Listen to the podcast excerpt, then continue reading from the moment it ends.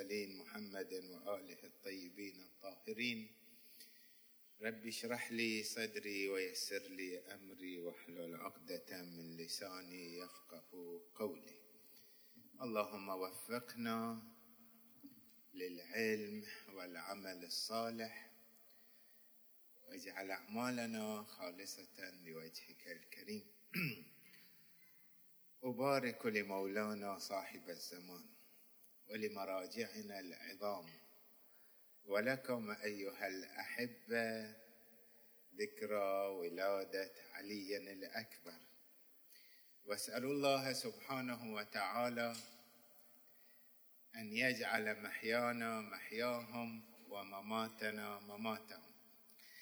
برادرها فکر میکنیم مال سلفه میکنم کرونا دارم. همه تون دور نشستیم بیا نزدیکتر یکن راوند گرفتن دور.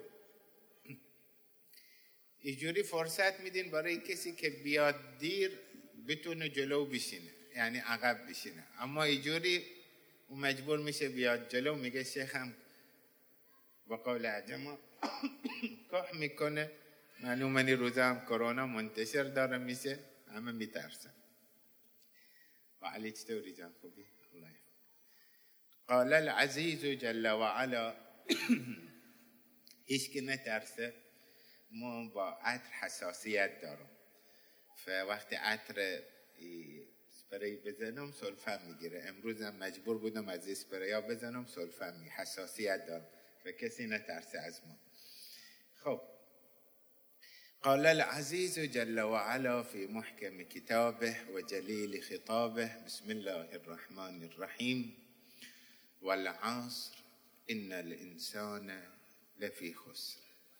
إلا الذين آمنوا وعملوا الصالحات وتواصوا بالحق وتواصوا بالصبر. آمنا بالله.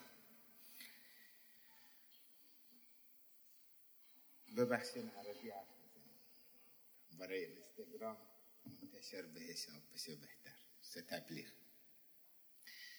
من الأمور البارزة. والظاهره بشكل جلي في عظمة علي الأكبر عليه أفضل الصلاة والسلام ولا بد للمؤمن أن يتخذ هذه الصفة والسمة لنفسه طريقا لكماله وسعادته الدنيوية والأخروية. كلنا سمعنا ونعلم أنه حينما سرت قافلة الحسين واتجهت نحو كربلاء في طريقهم في منطقة تسمى الثعلبية غفى الحسين وأراد الاستراحة في تلك المنطقة. فغفت عيناه. ثم قام واسترجع وقال لا حول ولا قوة إلا بالله. فكان بجنبه علي الأكبر. قال أبه لما استرجعت؟ خير باشه. چرا لا حول ولا قوة إلا بالله؟ میگه از خواب بیدار شدی. این لا لا حول ولا قوة إلا بالله. عادة إذا واحد ابتلي بمصيبة وغير ذلك يقول لا حول ولا قوة إلا بالله. فما الأمر؟ قال سمعت مناديا ينادي أنتم تسرعون والمنايا تسرع بكم إلى الجنة. فقال أولسنا على الحق؟ قال نعم والذي إليه مرجع العباد. قال اذا لا نبالي بالموت. هذه الواقعة اللي كل المؤرخين ينقلونها تدل على صفتين رئيسيتين. هما سر من أسرار عظمة علي الأكبر. ولنا في هذا درس اولا حينما نحلل هذا النص نجد أن عليا الأكبر كان حريصا تمام الحرص أن يكون مع الحق. ولهذا حينما سمع أباه أنه استرجع وقال له مقولة أنتم تسيرون قال أفلسنا أو ألسنا على الحق؟ هدفي وهدفك يا ابن رسول الله الحق. ألسنا كذلك؟ قال نعم. قال إذا لا نبالي. أمران. الأمر الأول حرصه الشديد أن يكون مع الحق بل في كمال الحق لأن للحق مراتب. وأن يكون الإنسان في ركب إمام معصوم هو سيد شباب أهل الجنة فحقه تمام الحق. وكماله تمام الكمال. ثم النقطة الثانية أن هذا الحق الذي بلغه علي الأكبر والأنصار حينما كانوا في ركب الحسين أصر وكان عازما. أن لا يتنازل عن هذا الحق الكامل بقيد أنملة ولو أدى ذلك إلى قتله واستشهاده. وهنا تكمن الصفة البارزة الأخرى لعلي الأكبر. ليس فقط يبحث ويسعى أن يكون مع الحق ويكون في تمام الحق بل أنه حريص تمام الحرص أن لا يتخلى عن الحق قيد أنملة ولو في ذلك قتله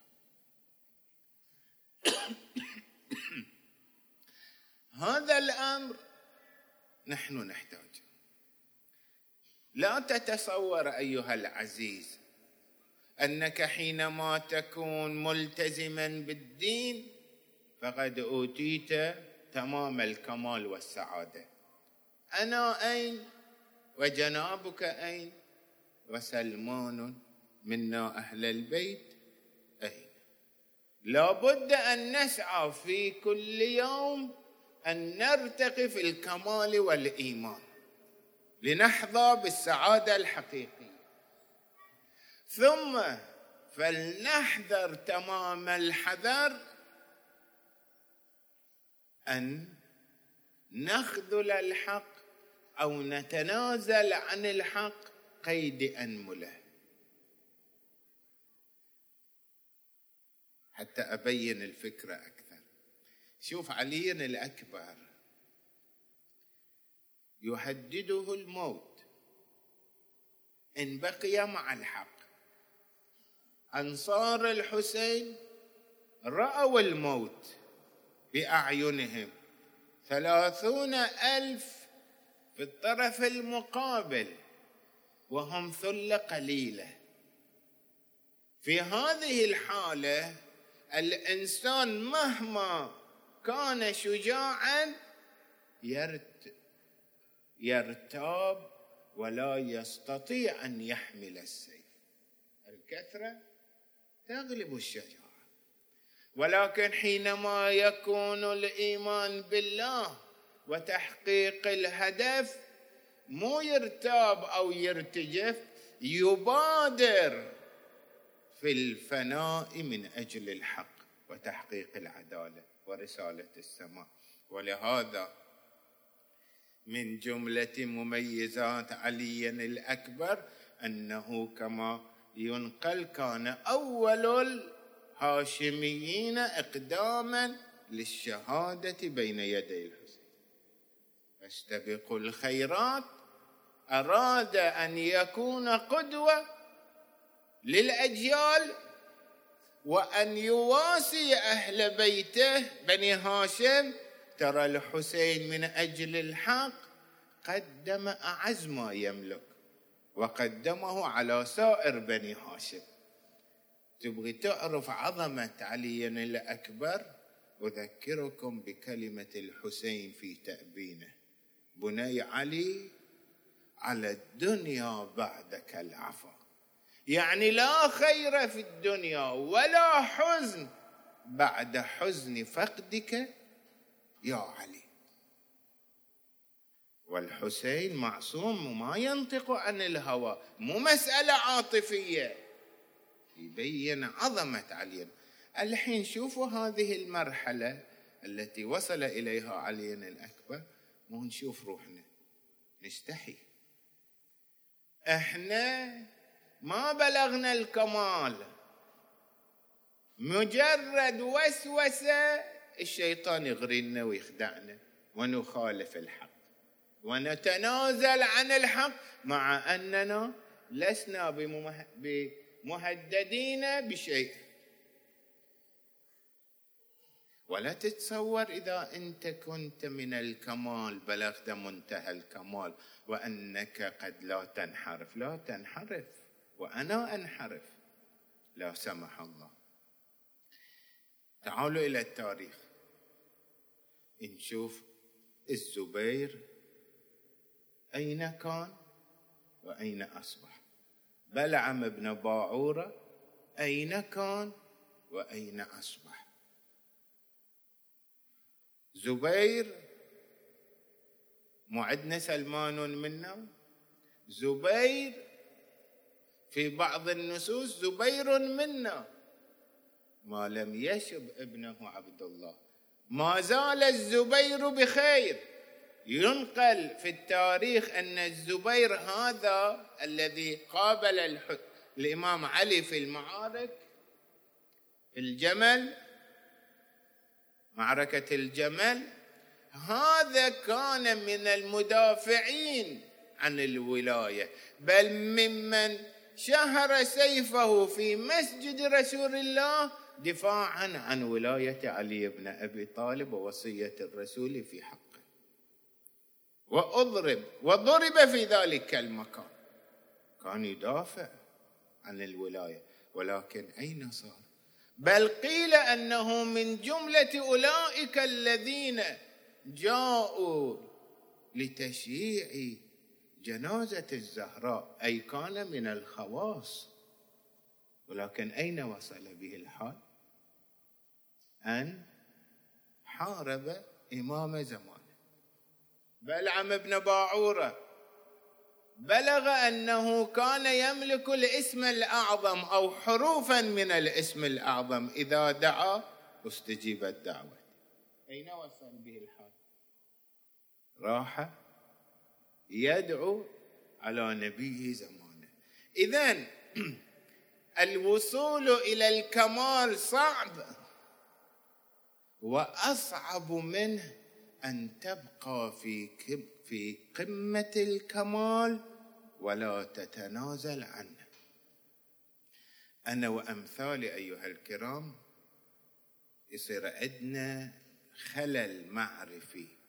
إذا شفت روحي ملتزم بحضور الجماعة والناس تثق بي وأحضر الاحتفالات أرى نفسي معصومة راقية كاملة قياسا لبعض المصطلحات أو السلوكيات اليسيرة التي أقوم بها وأرى نفسي خير من غيري خيرا من غيري. هذا الإحساس يصيرني ويصيرك في أسفل السافلين أو يخليك أن لا ترتقي. أجيب لك مثال للعظماء ونطبقه على أنفسنا. إذا قلنا علي الأكبر قد البعض يقول وإحنا وين وعلي الأكبر وين؟ مع إنه غير معصوم. أجيب لك مثال آخر إلى أصحاب الحق وحرصهم أن يكونوا في الكمال الإنساني وأيضا أن لا ينحرفوا عن ذلك مقدار أنملة. الشيخ المرتضى الأنصاري أحد مراجعنا الكبار مثل الآن السيد السيستاني والسيد القائد اللي لهم المرجعية. في زمان الشيخ الأعظم الأنصاري بعد ما كان واحد يطرح رسالته مسكت الحقوق الشرعية والأموال كلها عنده. أحد طلابه يقول إلى الشيخ المرتضى الأنصاري والقصة معروفة عند الكثير منكم. يقول رأيت في المنام أن إبليس يجرك صلوا على محمد وآل محمد.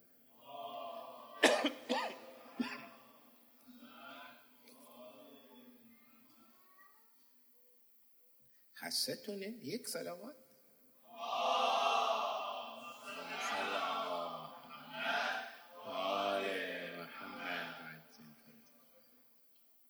بس دوتا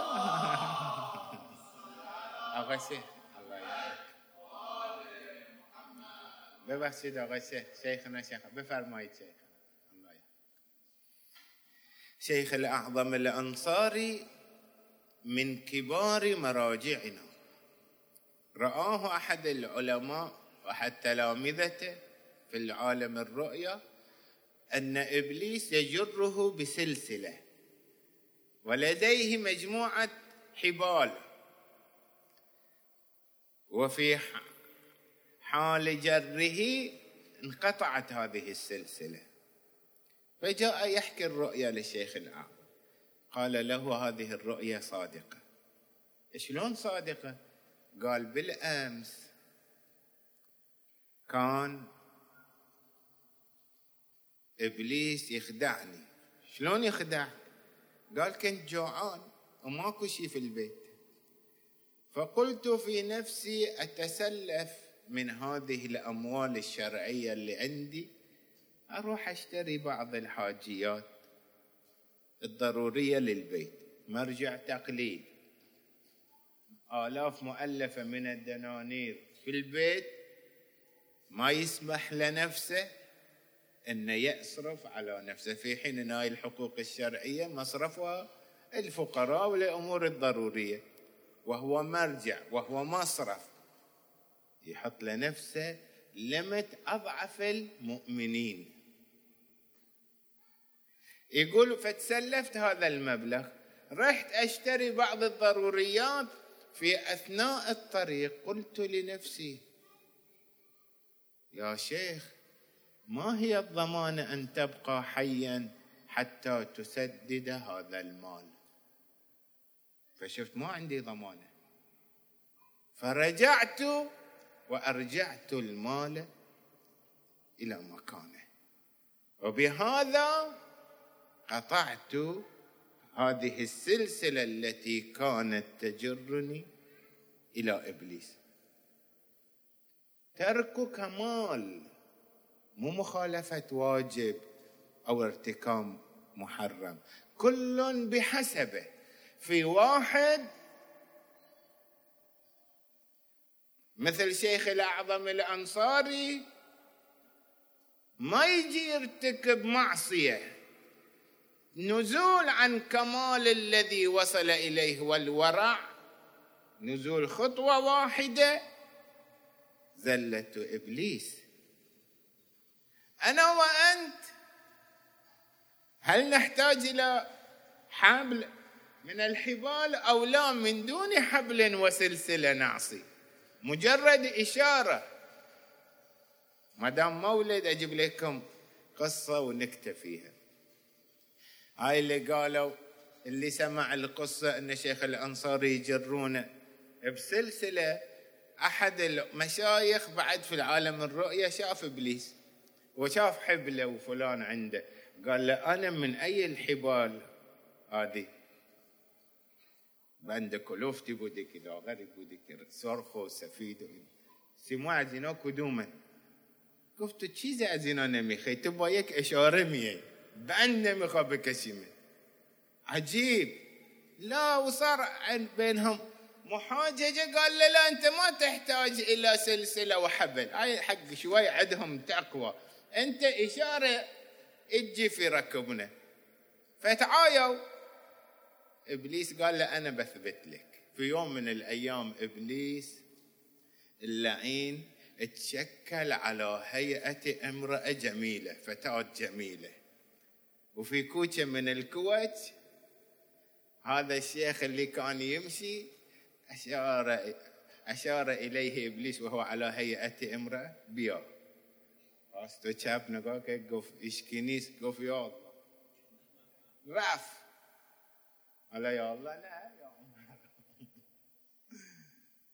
رفت وقتی به این زن رسید حينما وصل اليها رجع ابليس إلى هيئته الاولى قال الم أقل انت لا تستحق ان نجرك بحبال انت مجرد اشاره أجي الحين يوم انفتح أمره قال أنا كنت أدري بس بغيت امتحنك شيخ ما ينصاد. الحين أنا وأنت إبليس ما يحتاج حتى يشير إلينا.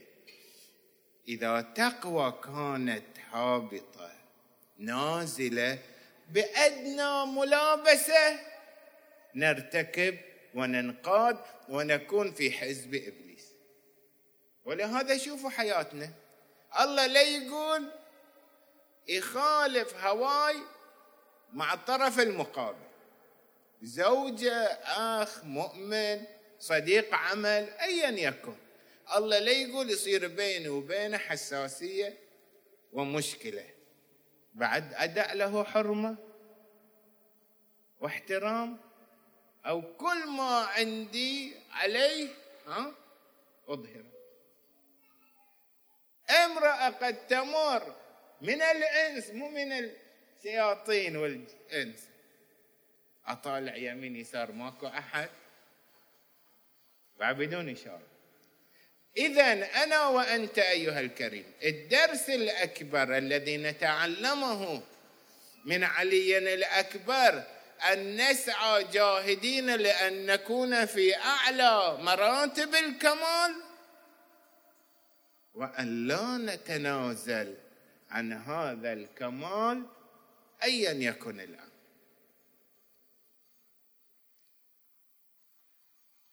ليش أنا اخترت لكم هذا الموضوع؟ لاحظوا أيها الكرام هذه الوجوه الإيمانية اللي أنا أتشرف أن أكون بينكم في هذه الليلة. لماذا لا نؤثر على غير المتدينين؟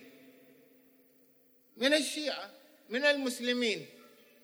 ليش ما نأثر عليهم؟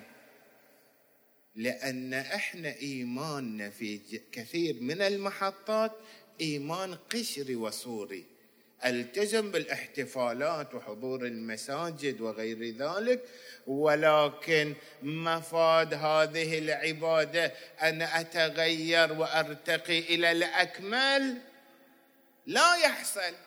وإن كان هناك من التغيير فهو من التغيير الطفيف القليل الذي لا يمايزني عن غيري. ولهذا الغير الغير المتدين لا يرى في هذا المؤمن من ميزة أو تميز يجعلني أحب هذا المسلك وهذا الطريق. ماكو شيء يميزه عني. اگر فلانی مهربون لطیفه منم مهربونم لطیفم اگر امین منم امین. کار می‌کنه زحمت می‌کشه منم کار می‌کنم زحمت. حالا این ماتم میره فلان میره کجا رسید؟ چه کاری انجام می‌دید که از ما فرق می‌کنه؟ یک سر و گردنی باید فرق بکند مؤمن با غیر مؤمن. نه تو امور ظاهری سلوک عمل مراقبة وأن تسعى أن تكون متميزا مع الكل. وهي تكلمنا عنه في العام الماضي. فاستبقوا الخيرات. السابقون السابقون. أولئك المقربون. إذا چقدر وقت داریم آقای انصاری؟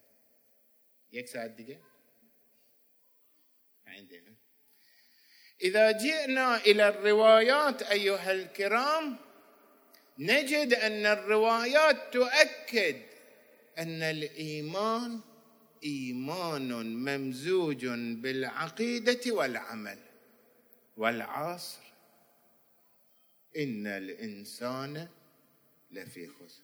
الجنس الإنساني في خسران إلا فئة واحدة.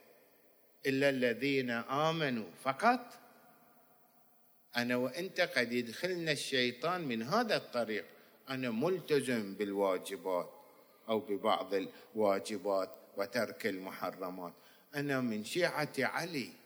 هذا يكون من الحجب النورانية. يعني هو كمال ولكن يحجبني عن وصول إلى ذروة الكمال.